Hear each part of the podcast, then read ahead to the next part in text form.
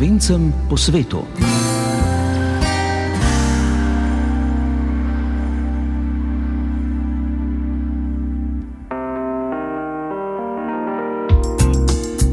Lepo pozdravljeni, dragi prijatelji naše oddaje, tako v tujini kot doma. V prvi oddaji Slovencem po svetu v novembru smo z vami po praznikih in v iztekajočih se jesenskih počitnicah. Tudi mnogi slovenski rojaki so se v minulih dneh mudili v domovini, obiskali grobove rankih in ostali še na krajših počitnicah. Med njimi je tudi Anica Varga iz Minhna, dolgoletna članica slovenske skupnosti v bavarski prestolnici, ki bo gostja takoj po uvodu, sicer pa prihaja iz Dobrovnika v Prekmurju. V Nemčijo jo je pot zanesla leta 1973. Tam se je zaposlila in si ustvarila novi dom. A rodno prekmurje ostaja z njo tudi v tujini, saj se z možem tudi sicer pogosto vračata v rodne kraje. Preselili se bomo tudi v sosednjo Švico in se pogovarjali s slovensko pianistko in učiteljico klavirja iz Ciriha, korošico Urško Štrekel. Naš gost pa bo tudi novinar in urednik slovenske radijske oddaje v Argentini Mirko Vasle, ki se prav te dni mudi v Sloveniji. Oddaja bo tudi tokrat prepletena z glasbo po izboru glasbenega urednika Janeta Webra, z vami pa sem nocoj še Lili Brunec.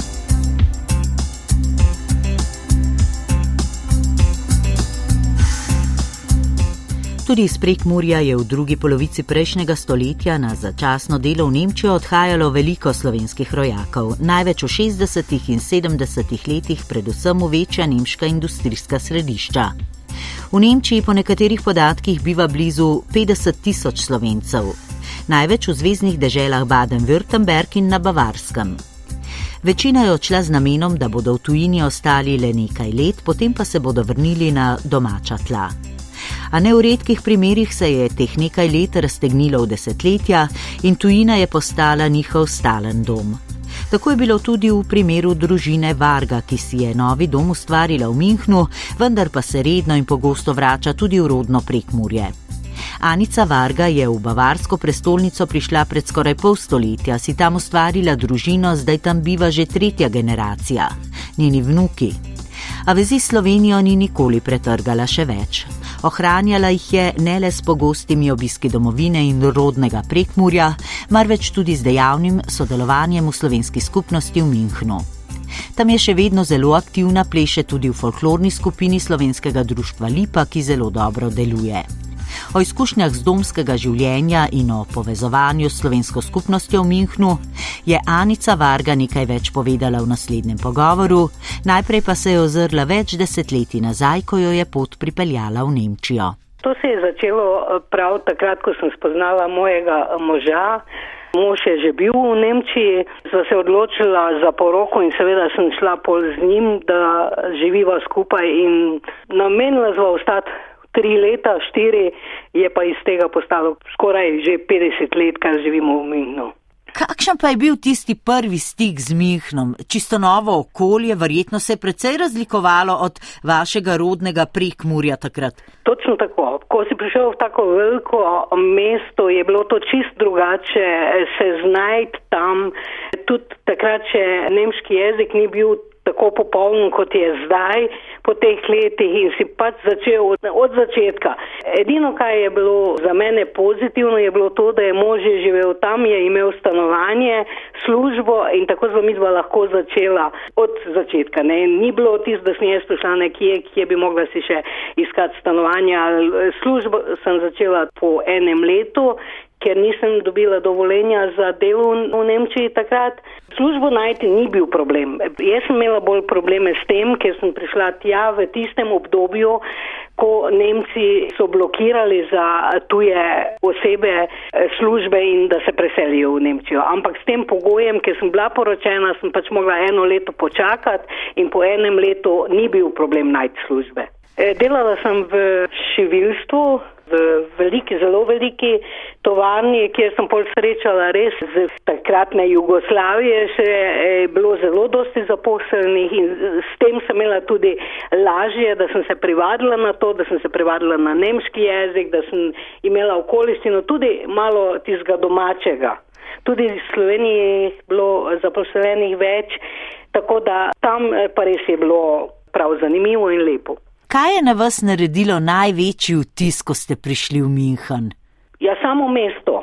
Lahko povemo, tukaj smo mi bili drugače navajeni, e, se je to temu človek moral privaditi. Pozemlje vlaki, vse tisto, kaj se je dogajalo, vse je bolj bilo več in bolj živo kot tukaj doma. Ne? Ampak to ni bil e, problem, se tega mu privaditi. Jaz sem se kar hitro privadila in moram povedati, da dan danes nimam problema biti umenjeno in priti tudi v prekmorje domov. No, nemško ste se tudi hitro naučili. V Nemčijo in tudi v bavarsko prestolnico v München je v tistih letih odhajalo na delo veliko tudi slovencev. Vi ste hmalo po prihodu nekako že imeli stik z rojaki iz Slovenije. Kako ste se pa potem povezali z njimi? Kasneje jih je tudi iz vašega konca v prekmorju prišlo kaj v München. Ja, bilo je zelo dosti prekmorcev tam. Povezavo smo pa iskali pri slovenskih mašah, kjer smo vedeli, da slovenci prihajajo. Saj smo vedeli, da nas je bilo takrat zelo dosti. Ne? In res smo se tam po maši zunaj, da se pogovoriš, da vprašaš, odkot prihajaš, kje si v službi. Vse to je takrat bilo eh, za nas. Si imel vseeno občutek, da nisi sam in da imaš stik nekako tudi s Slovenijo, še ne in seveda s slovenskim jezikom. Ne? Ja. To, da človek lahko tudi v svojem maternem jeziku se meniš, je bilo seveda ampak tudi s tem, ker smo v službi bili tako, nas je bilo dosti, pa smo vseeno izkoristili naše prosti čas, da smo se menili. Ni bil problem to, kar se tiče slovenščine. Kako pa se je oblikovala slovenska skupnost v Mihnu? Vi ste v Bavarsko prestolnico prišli še v času nekdanje Jugoslavije. So se že takrat slovenci morda združevali tudi v društvo slovensko? Ne, takrat je še bilo društvo Triglav, tam so bili, so sodelovali. Jaz osebno moram povedati, da sem bila zelo malo, ker takrat smo imeli otroka, je bila majhna in se nismo toliko. Ampak smo pa šli na določene prireditve, ki smo seveda zvedli spet pri cerkvi zunaj, kje se je kaj dogajalo in tako smo se udeležili tudi takih prireditev. Šli smo pa seveda večkrat domov v Slovenijo in tako se je to življenje pač za nas odvijalo kar lepo. No, v Mihnu ste po samosvitvi Slovenije potem ustanovili slovensko društvo Lipa, kaj ne, ki deluje še danes. Kako se spominjate začetkov delovanja društva, kakšno vlogo ste imeli v njem in na čem je bil sploh poudarek v delovanju društva na začetku, kako vas je povezovalo to društvo? Ja, prišla je ta ideja, da bi ustanovili društvo, kjer bi imeli mogoče kakšne prostore, da se lažje združimo, da lažje prihajamo skupaj. In takrat se je 21.7.92 na prvem sestanku, ki nas je bilo okrog 30, smo pač ustanovili društvo, pa smo rekli, začeli bomo, bomo videli, kako bo, ampak je bil odziv tako močen, da smo mi že prvo prireditev imeli Martinovanje v novembru, katero je obiskalo takrat okrog 400 slovencev. In ko smo videli, da je ta odziv tako močen, smo rekli, ja, popustiti ne smemo, moramo naprej in smo tako vsako leto prirejali in bilo je ljudi in ljudi smo poskušali vedno, da je slovenska muzika, da je slovenska, so kakšna vina, radenska, naprimer, je bilo zelo važno, da smo jo imeli, ampak krajinska seveda tudi ni smela manjkati. Društvo deluje zdaj že 32 leto.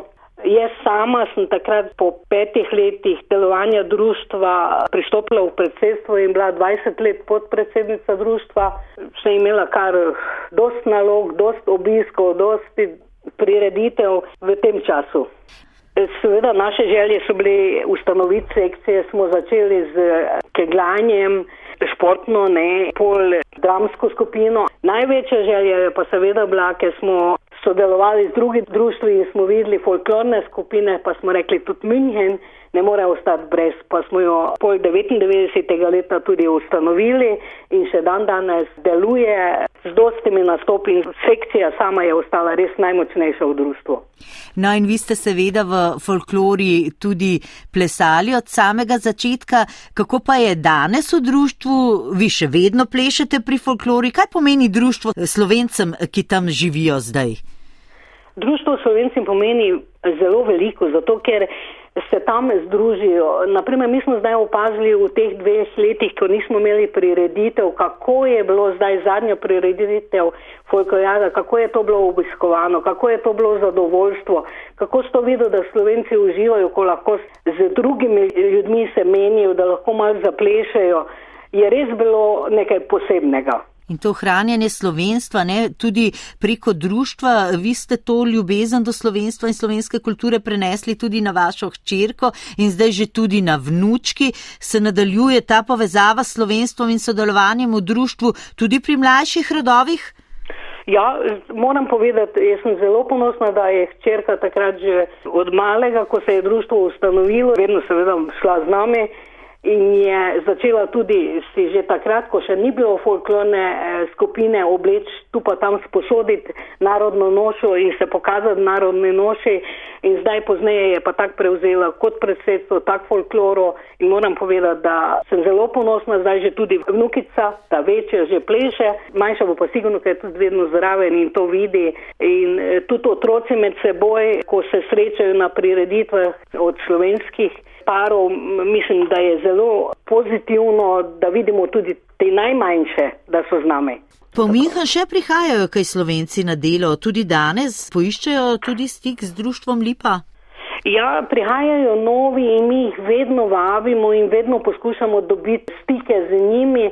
Je pa še nažalost mal premalo tega. Jaz vedno pravim, poskušamo prek interneta, saj danes to več ni problem, da jih privabimo, vse pridružijo družine. Zdaj že imamo par družin, ki so prišli v kratkem, pred par leti, pa da se združijo, pa tudi, ko hodijo v dodatni pouk slovenski otroci, tudi tam poskušamo, da jih dobimo, da pridejo na naše prireditve in eh, planiramo tudi eno miklauževanje, ki bo decembra in upamo, da bodo tudi takrat z otroci pred epidemijo smo imeli primer, da je bilo zelo veliko otrok, ki so tam pač bili na naši prireditvi slovenski.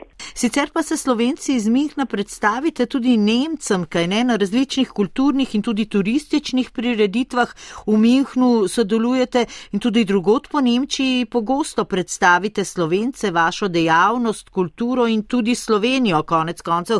Kako vas poznajo Nemci, kakšno mesto imajo Slovenci v Münchnu? Slovenci v Münchnu imajo zelo eh, dobro mesto. Do zdaj ni važno bilo, ali je bil to samo en folklorni nastop ali smo bili na kakih večjih prireditvah kot je Oktoberfest. Smo zelo prepoznavni, zelo radi sodelujemo z njimi, imamo zelo veliko njihovih vabil.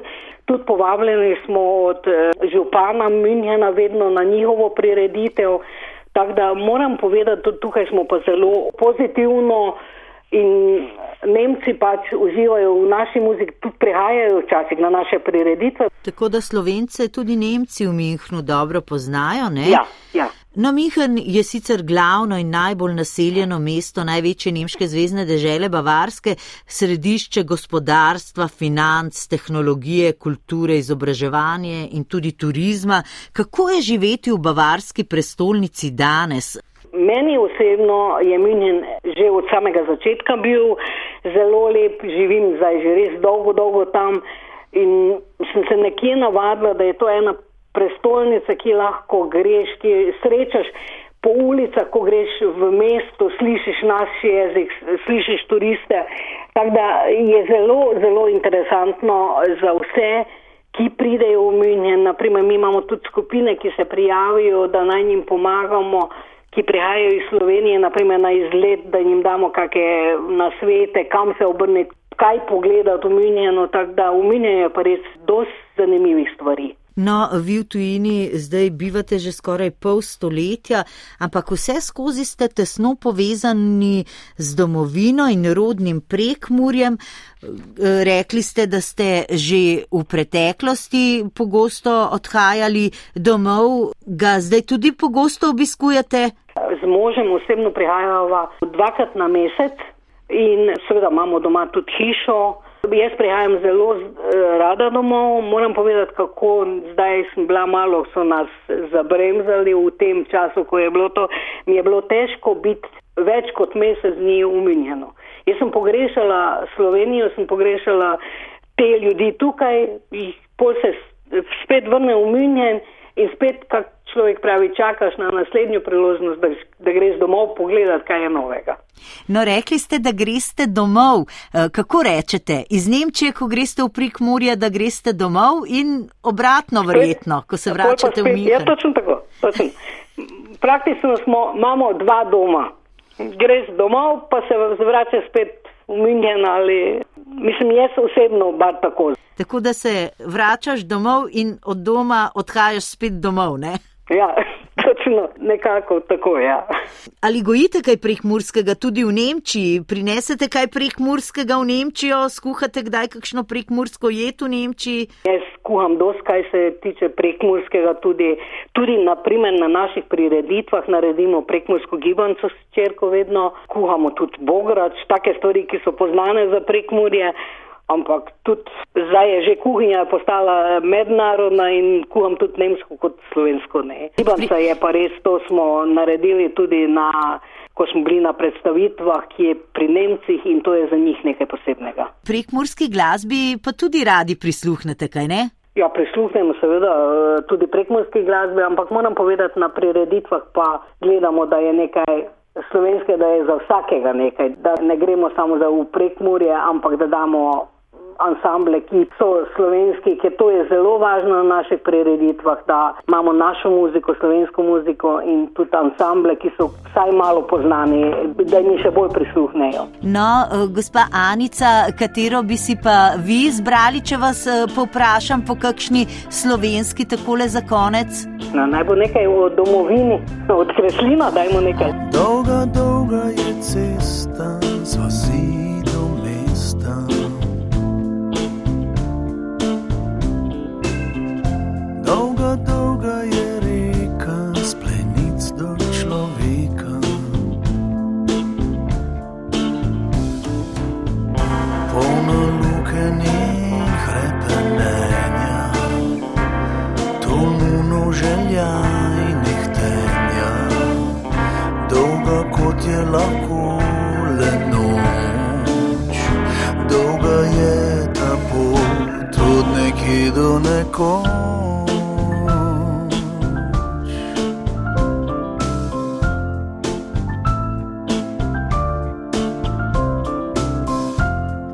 Tam za cesto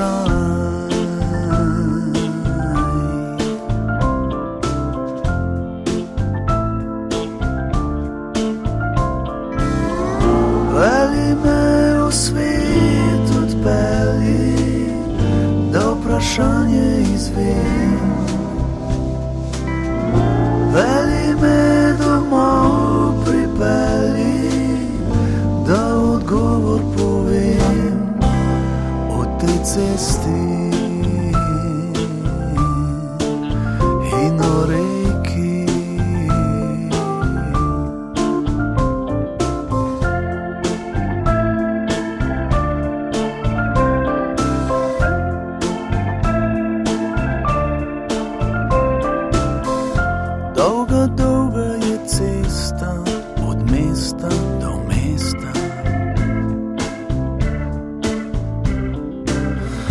Dolga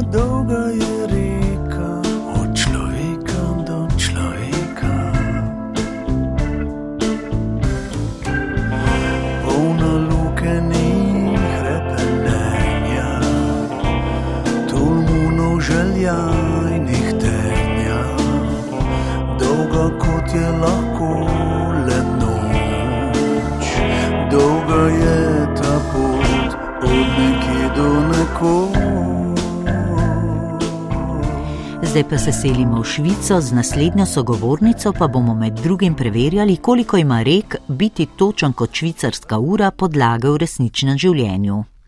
Živa Trček se je tudi o tem namreč pogovarjala s pianistko Urško Štrekel, ki jo je pot z domače Koroške vodila v Cirih, kjer poučuje igranje klavirja, ni pa to vse, kar počne, saj tudi nastopa kot pianistka in se ukvarja s petjem. V prostem času, ko ne posluša koncertov klasične glasbe ali hodi po muzejih in galerijah, pa se rada poda v hribe in smuča. Življenje v Cirihu ji je všeč zaradi multikulturnosti, je pa, ko je začela živeti tam, doživela tudi kar malo kulturnega šoka. Glasbenica Urška Štrekel je tudi razložila, zakaj je v otroštvu sploh začela igrati klavir in kaj domačega tudi na tujem ostaja z njo. Prihajate z Koroške, kaj Koroškega vas najbolj zaznamuje in kaj ostaja z vami, ko ste v tujini? Pravzaprav me na Koroško vežejo spomini pred mojim 15. letom, ker pač potem sem odšla iz Koroške, mislim odšla, se sem tudi, se vedno vračam, ampak bi rekla, da mogoče ta koroški duh, ta pošten, pravičen, da je korošec nekdo, kot pravi naš kantautor Milan Kamnik, da smo korošci zmeraj za muštr bili, v bistvu za vzorec, tako ena poštena, pravična duša. Bi pa mogoče rekla, da me spremlja oziroma se borim za neko tako skromnostjo, da se je mogoče težko mi sama sebe pohvaliti in da poskušam to spremeniti. To je včasih značilnost, saj tako se meni dozdeva. Kar veliko slovencev, da se težko Tako, pohvalimo. Ja, bi lahko rekli, ja. Da se težko pohvalimo in da tudi težko sprejmemo pohvalo. Tako je. No, ste pianistka. Kdaj ste ugotovili, da želite igrati klavir in da ste nadarjeni za to? V bistvu prihajam iz glasbene družine, kjer sploh po očetovi strani, v bistvu je bila glasba vedno doma, vedno se je, so se z glasbo ukvarjali, zdaj mlajša generacija, tako moji sestrični in bratranci se tudi profesionalno ukvarjajo s tem, tako da nisem edina. Tako da v bistvu je bilo hitro ugotovljeno, da imam posluh in ta potreben glasbeni talent moja družina je večkrat rekla, da ne vem, sem pravzaprav začela najprej prepevati, pa šele potem govoriti. Tako da jaz sem odraščala ob zvokih uh, narodno-zabavne, zborovske in popularne glasbe. S klaverjem pa sem se srečala mal kasneje, torej pri desetih letih. Vse je bilo nekako naravno, brez neke prisile ali velikih pričakovanj od mojih staršev. Ampak mi je bilo kar hitro jasno, da to nekako ne bo le en od hobijev, eh, da je bil to moj absolutno najljubši hobi v otroštvu. Je pa ena taka malce zanimiva zgodba, ker sem se zelo ponajsniško zaljubila na enem koncertu enega pianista, kjer ga imena se niti več ne spomnim, ampak samo en tak zelo, se vame zelo urezal en spomin, kako me on prevzel in fasciniral s temi svojimi gibi, s to, ne vem, kako je on hitro igral, s tem moč izraznosti. In da sem bila takrat tudi v smislu, oh, tako želim tudi jaz igrati, da sem se še bolj zaljubila v ta zvok klavirja in da me neka, nekako me je ta koncert povlekel ta klasični svet, iz katerega nikoli nisem več zares šla, nisem nikoli več zares izstopila. Se pravi, vas ni tja povlekla samo nadarjenost, ampak malo tudi čustva. Tako je, ja, absolutno. absolutno. Eh, se pa omenili ste že, da ste kot majhna deklica zelo radi prepevali, no in tudi danes se še ukvarjate s petjem. Tako je, res je. Petje v bistvu za me ni nič novega, je bil en stalen hobi. Tako kot otrok sem se v bistvu najprej srečala z petjem, kasneje z, z instrumentalno glasbo ne vem, sem vodila en božični zborček, tako uh, kot sem bila, ne vem, od mogoče osmega leta naprej. Prepevala sem v zborih, v Koroškem akademskem pevskem zboru, v bistvu sem vmes tudi, smo imeli Činkece, en ženski vokalni kvartet, kjer smo prepevali koroške ljudske, neki tudi v lasnih preoblekah in lasnih priredbah. Obiskovala sem klasično petje pred odhodom v Švico. Na to pa sem tu v Švici nekako našla eno mojo zvrst, v bistvu na fakulteti kot dopolnilni predmet uh, sem našla jazz petje, ki sem ga obiskovala v bistvu vseh mojih pet let študija, zelo uživala in mi je tudi, če se tako izrazim, odprl vrata v nek drug svet, v svet jazza.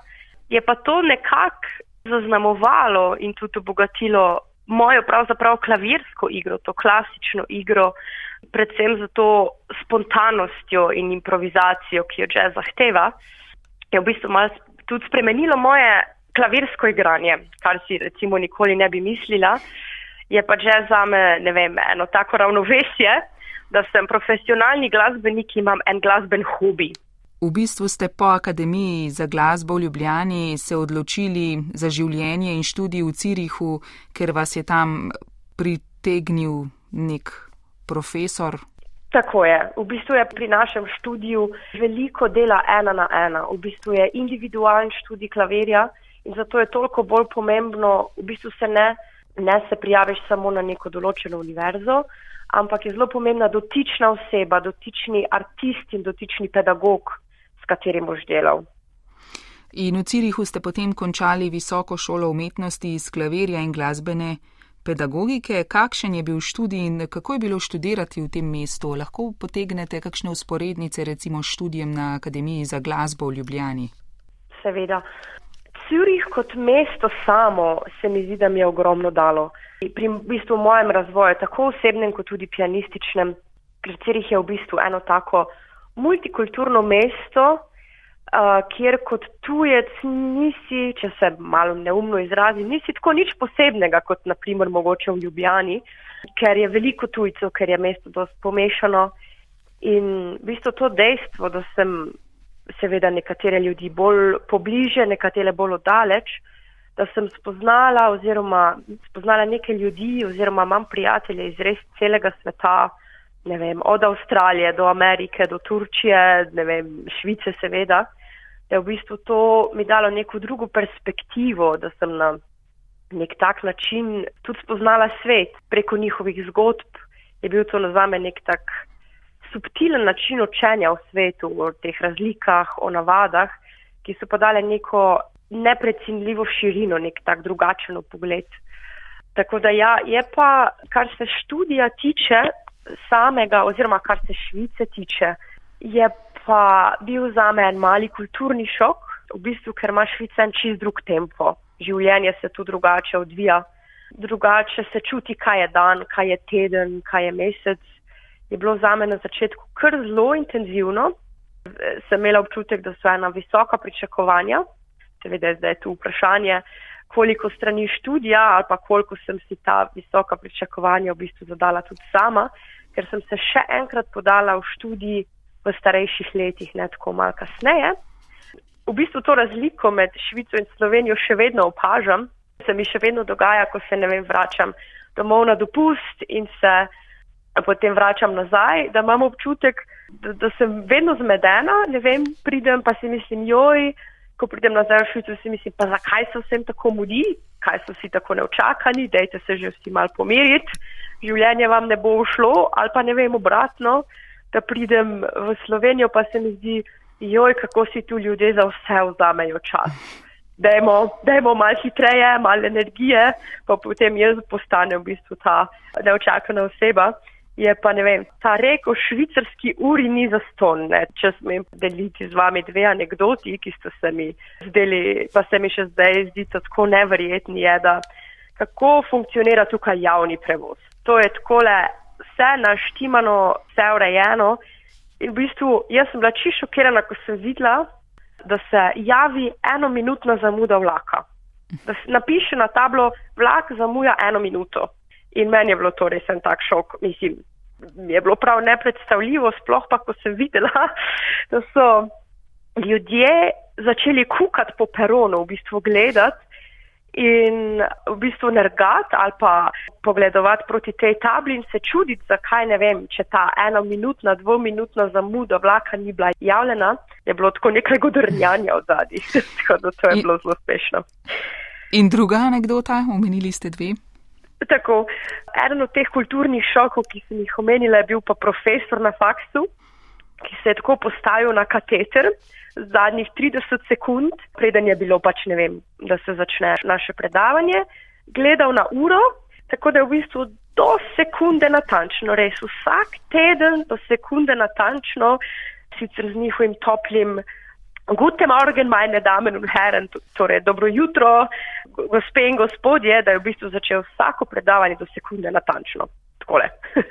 Se pravi, v Švici na fakultetah nimajo akademskih 15. Absolutno ne. A imajo akademskih minus 5. Takole, moraš biti 5 minut prej, če ne že zamujaš.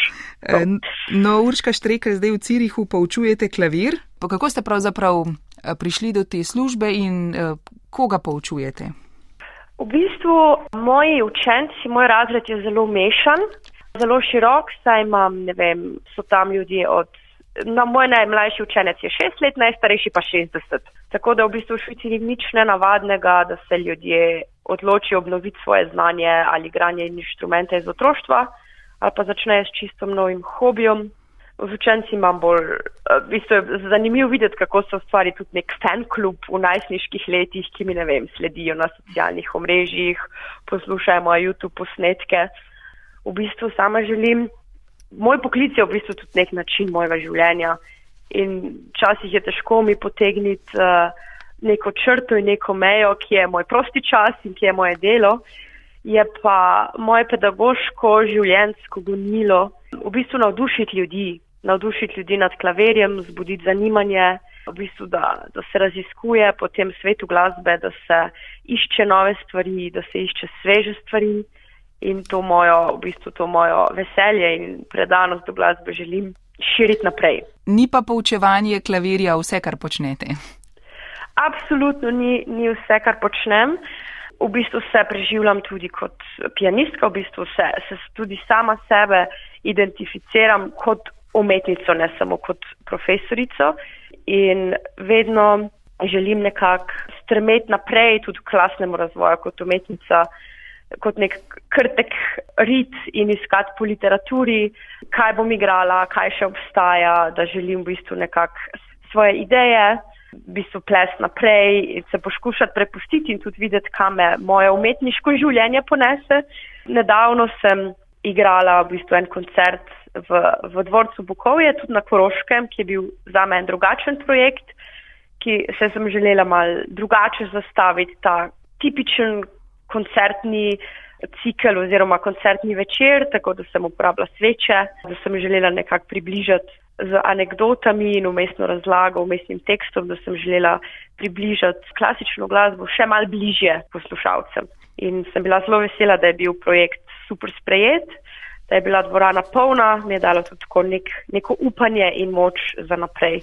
Ste pa tudi pripravili nastope skupaj s prijateljico, sopranistko Matejo Potočnik, s katero smo se pa v naši oddaji tudi že pogovarjali, ona pa živi in ustvarja v Berlinu. Kakšne nastope sta pripravili skupaj? Sodelovanje ni prvo, ni novo, v bistvu smo sodelovali od malih nog.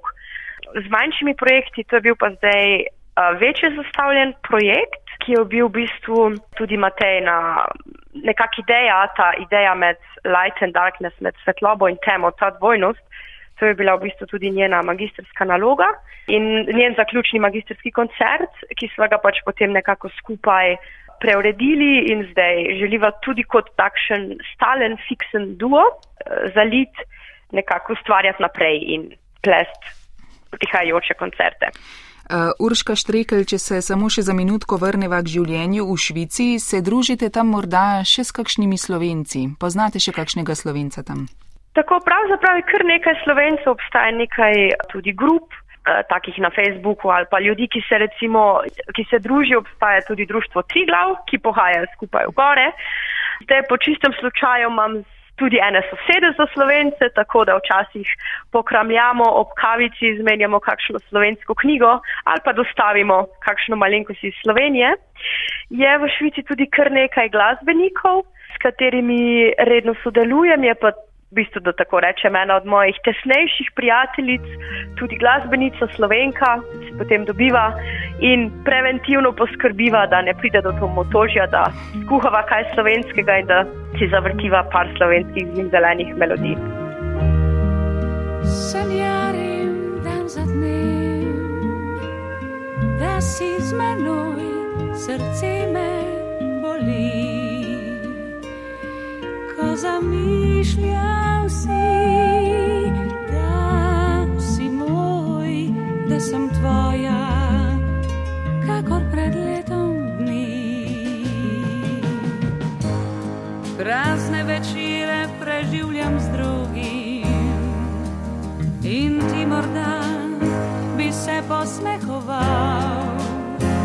Moji ljubosumnosti, ki mi v srcu tli.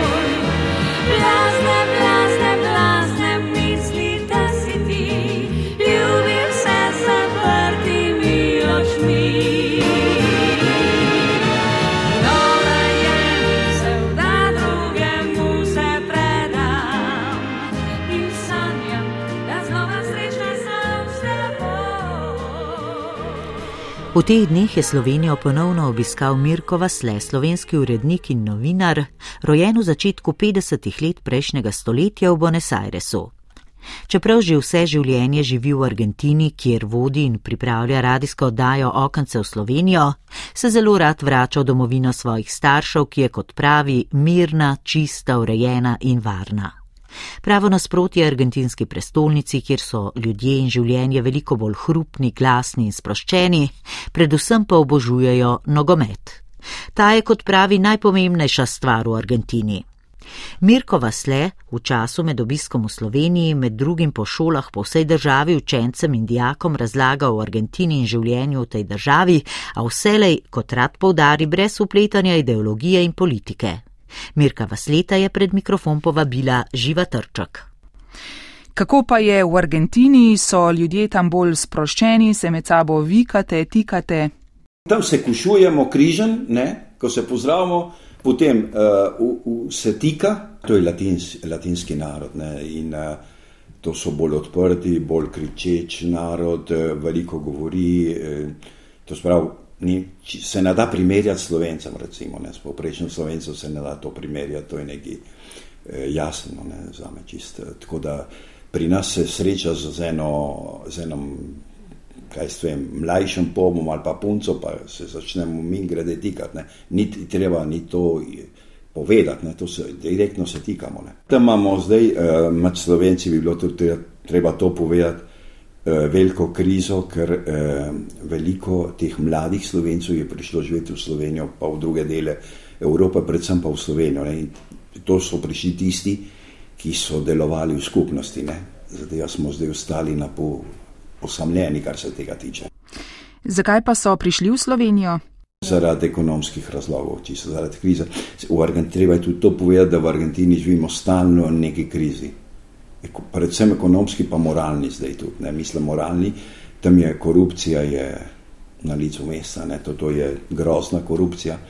Uh, zaradi tega je zelo težko in ljudje si iščejo. Recimo od mojega sina, prijatelji, so vsi tu. No, pri vas tudi ta mlajša generacija dobro obvlada jezik in je potem za nje tudi adaptacija, ko se vrnejo v Slovenijo, lažja. Tam zelo peša tudi jezik, ne imamo ta problem. Ne? Ne govor, tam edi, ed, edin kraj, ki se danes lahko naučiš eh, pravilno slovensko govoriti, je na lektoratu. No, ampak te slovenske šole po slovenskih domovih so pa še zelo močne. Pa niti ne. To je treba povedati po prvič, koliko je. Ne? E, to je že 70 let od tega, kar so naši starši šli. Ni več, ne obvladajo več jezika, kot bi, ne, kot bi morali, koncu koncev, oni so Argentinci, ne? smo vsi Argentinci. No, sej vi ste tudi rojeni v Argentini, ampak vaša slovenščina je pa iz leta v leto boljša. Jaz sem iz prve generacije, e, to pa, e, čeprav je naša oddaja dvojezična, ampak jaz vsak dan berem, prevajam v slovenščino, prevajam iz slovenščine v španščino. Vsak dan spremljam, spremljam te časopise, vse. Ne? No, vi ste že od začetka na radiju, letos boste praznovali že 35 let neprekinjenega dela, verjetno se je v vseh teh desetletjih tudi pri delu na radiju marsikaj spremenilo. Mi vseh teh, mi smo bili zaprti dve leti skoraj, leto in pol dol zaradi pandemije. In uh, radijska oddaja ni nikoli prenehala, vsako soboto od doma sem to delal. Kako pa poteka zdaj delo pri vas na radiju, kakšne vsebine imate? Mi imamo tako, imamo intervju od začetka, prevod, če je v slovenščini, eh, potem je Tatjana, so novice iz Slovenije v živo v španskem jeziku, ker mi imamo dve tretjine naših poslušalcev, sploh niso slovenci. Ne? In eh, potem imamo kulturni del, če je pa kdaj treba, da sila kolalo, mi pravijo, treba pa dva, eh, dva intervjuja, eno na, na isti oddaji predvajati. In eh, če ne pa več novic. Ne. Kakšen pa je vaš vtis, zdaj, ko ste prišli v Slovenijo, v primerjavi s tem, kar ste prej rekli, ko ste samo brali o Sloveniji? Kako se vam zdi? To povem, da meni zmeram, vedno sem bil že večkrat tu. Ampak vedno se mi pa najbolj čudno zdi to, da vsi slovensko govorite tukaj, ker nas to stane, nastane. In, in to, to je prvi tisne da se že v kroku obračam, ko slišiš mularijo, ko slovenski govori potem in tako. Ne? In starejši ljudi na, na avtobusu, kjerkoli, vse je vse po slovensko. Ne? Potem uh, tudi uh, miren ste tukaj, ne, ne slišiš, da bi kdo za trobo po cesti zlepane. Kako je pa zdaj eh, v slovenski skupnosti med pandemijo, je večinoma vse potekalo samo nadaljavo? Zdaj so se začeli zbujati, to, kar smo prej v šolstvu govorili. Eh, šole, ki so imeli šole, to so sobotne šole, da, da smo jasni. Šole, ki so včasih imeli 100, pa 130 učencev, imajo danes 25. Ne, to, je, to je to. Ne. V Slovenijo ste zdaj prišli za en mesec in v tem času imate tudi predavanja po slovenskih šolah. A, ja, to je pa za dušo. Kot novinar mi je zmeraj bilo všeč govoriti, povedati ljudem, drugim, naznati, kaj se dogaja nekje, recimo jaz imam pri oddaji to prednost, da lahko vsako soboto ljudem razlagam, kaj se dogaja tu v Sloveniji. In uh, potem pa mi je tu, enkrat mi je pa na misel padlo, zakaj pa jaz ne bi hodil po šolah, ne, govoriti o Argentini, o slovenski skupnosti v Argentini, o športnikih, slovenskih športnikih, dol, ki je bilo kar nekaj, ki so se ne, izkazali. Uh, seveda, problem je bila pa, Jaz sem vedno na tem temeljil, da niti oddaja, niti moja predavanja ne smejo biti niti ideološko naperjena, niti politično naperjena. Jaz govorim na splošno. Mene veliko bolj, eh, eh, jaz sem si vedno zamislil, mene šport všeč. Kot Argentinc sem obrisan na, na fuzbol, na nogometne. Potem pa, kako, sem, če se srečam tukaj z enem, ki je všeč nogomet, zadnjo, kar ga bom vprašal, katere politične ideologije. Ne? To, to je čist jasno. Ne? In to delam tudi v praksi na oddaji, pa ko pridem govoriti. In um, to se pa predavamo v osnovnih šolah, v srednjih šolah, pa v kakšnem eh, slaviščem društvu tudi sem že predaval. Tako da, kaj s tem, to, to, to, to, to mi gre in najbolje pa pol vprašanja. Ne? In najboljša vprašanja ti stavijo otroci eh, osnovne šole. To, to je prav zanimivo. Kaj pa vas sprašujejo otroci? So vprašali, če imamo v Argentini lepe punce, lepe punčke, ne? lepe deklice. Jaz ta prvi nisem vedel, ali bi se smejal, ne, čist nis, nepričakovano. Ne. In, eh, in potem pa sprašujejo o Argentini, eh, kakšen jezik je, ne, kakšen jezik govorimo, o športu, o, o, za, kater, za katero moštvo druga, ne, za, navijam. Ja, in za katero navijate? Jaz navijam za River Plate, ne, River. No, drugo je pa Boca Juniors. Ja, ampak to so naši sovražniki, veliki, veliki rivali. In mi imamo to zadovoljstvo, da smo najbolj važno tekmo med nami, ki smo igrali, smo jih premagali za prvenstvo, eh, Južnoameriško klubsko prvenstvo, ki se tekma se je pa odigrala v Bernabeu v eh, Madridu. No, to je potem veliko slavje, ne? Mi se veliko, to se pravi, se hecamo ne, v tej temi, ne, o nogometu. Jaz resno sploh ne vzamem, zdaj, ker res ne morem, meni men to ne pusti nič. Ne samo dobro voljo, če zmaga, slabo voljo, če zgubi. No, ampak eh, sicer je pa nogomet zelo resna tema v Argentini. Resna, najvažnejša tema je to. To vsi izrabljajo, politiki, vsi, vsi izrabljajo to, to. In zdaj ta mesec, pa pol, ko bo mundial, se bo na vse težave, na vse se bo pozabilo. Ne? Pa je tudi med slovenci kakšen zelo uspešen športnik? Ne, prav zdaj je ta Vombergar, ki je igral pri Olimpiji, igra pri San Lorenzu dol, ki je eno naj, največjih moštv v Argentini. Ne? Jaz sem vedno eh, pravil to, da najboljši ambasador Republike Slovenije je šport eh, ali nogomet, nogomet najboljši. Takrat, ko je eh, Slovenija igrala dva mundiala že, ne? Takrat je cele strani pisale o teh mundialih in, in o Sloveniji so, so pisali po dve strani skupaj. To nikoli ne. Ne? In ko je Vombergar prišel v Argentino, zdaj pred nekaj mesecev nazaj, je, je, je on, je, so vsi časopisi pisali, da je Sloveno, ne Slovenc, ne? pa celo z njegovo zgodovino, njegovih staršev in starih staršev. Ne? In kaj češ boljš reklamo kot to ne za Slovenijo? No, Slovenci so se torej v športu zelo dobro uveljavili v Argentini, ampak tudi na drugih področjih so se Slovenci tam uveljavili. Jaz mislim, da veliko ljudi, veliko znanstvenikov smo imeli. Je bil ta Peter Skvarča, ki je bil eden najboljših poznavalcev, eden izmed najboljših poznavalcev teh ledenikov v Argentini, pa po svetu.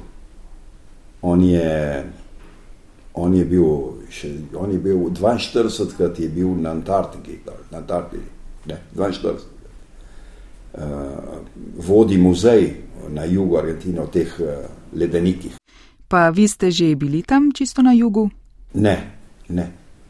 ne. Meni vsak turist, ki pride v Argentino iz Slovenije, pozna več Argentine kot, kot jaz sam. Je, kot jaz ne. Poznam nekatere kraje, ja. Sem povabljen, ampak to v Argentini je zelo drag špas turizem. Ne. Gospod Mirko, vas le hvala za pogovor.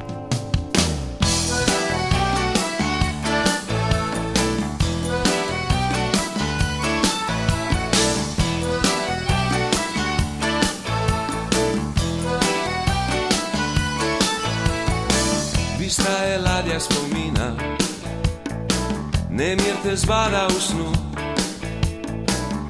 hudobna ptica, ki skriva, odkje prihaja tvoj rod.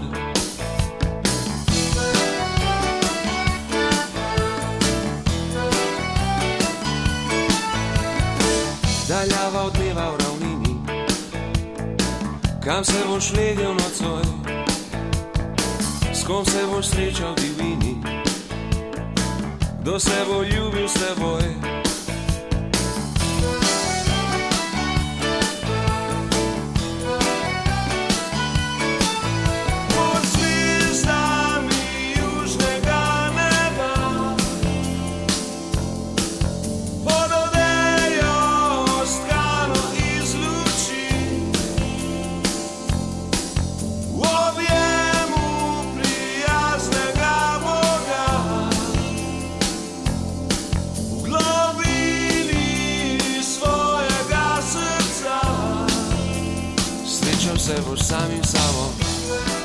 In ob koncu še novica za rojake po svetu. Urad za slovence za majstvo in po svetu je objavil javni razpis za finančno podporo slovencem po svetu za leto 2023. Na razpis se lahko prijavijo slovenske skupnosti in posamezniki, ustanove in organizacije v tujini, kot tudi Slovenije, ki delujejo na področju povezovanja in sodelovanja s slovenci po svetu. Okvirna višina sredstev za sofinanciranje programov in projektov slovencev po svetu za leto 2023 je 1 300 000 evrov. Dokumentacijo javnega razpisa pa zainteresirani najdejo na spletni strani Urada za slovencev za mestu in po svetu. Rok za oddajo vlog na elektronski naslov urad.slovencija.afnagov.si pa je 28. november.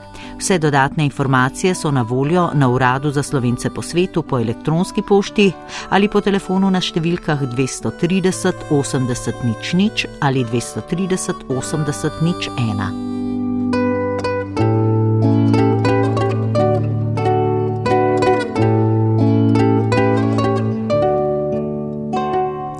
Poslušali ste oddajo Slovencem po svetu, pripravili svojo živa trček in Lili Brunec, za glasbo je poskrbel glasbeni urednik Jane Weber, tonsko podobo pa je dodal Jane Sahlin.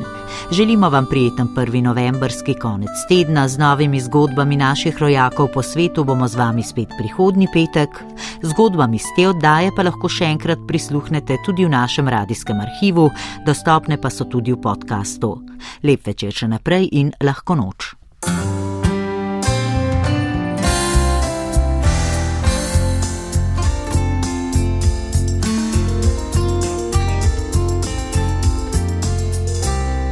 Slovencem po svetu.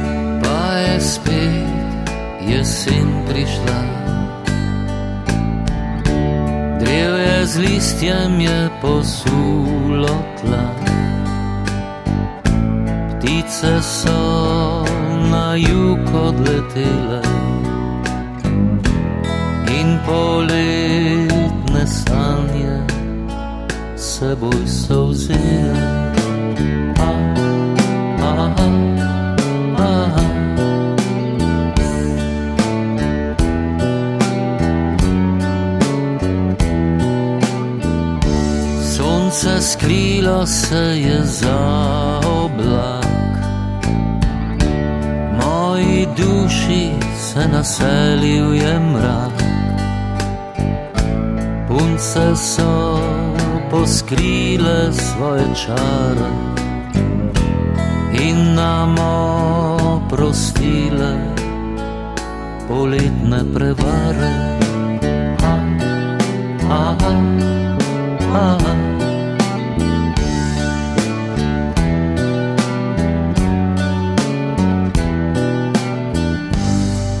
ha. spet jesen prišla. Časi vina in držja,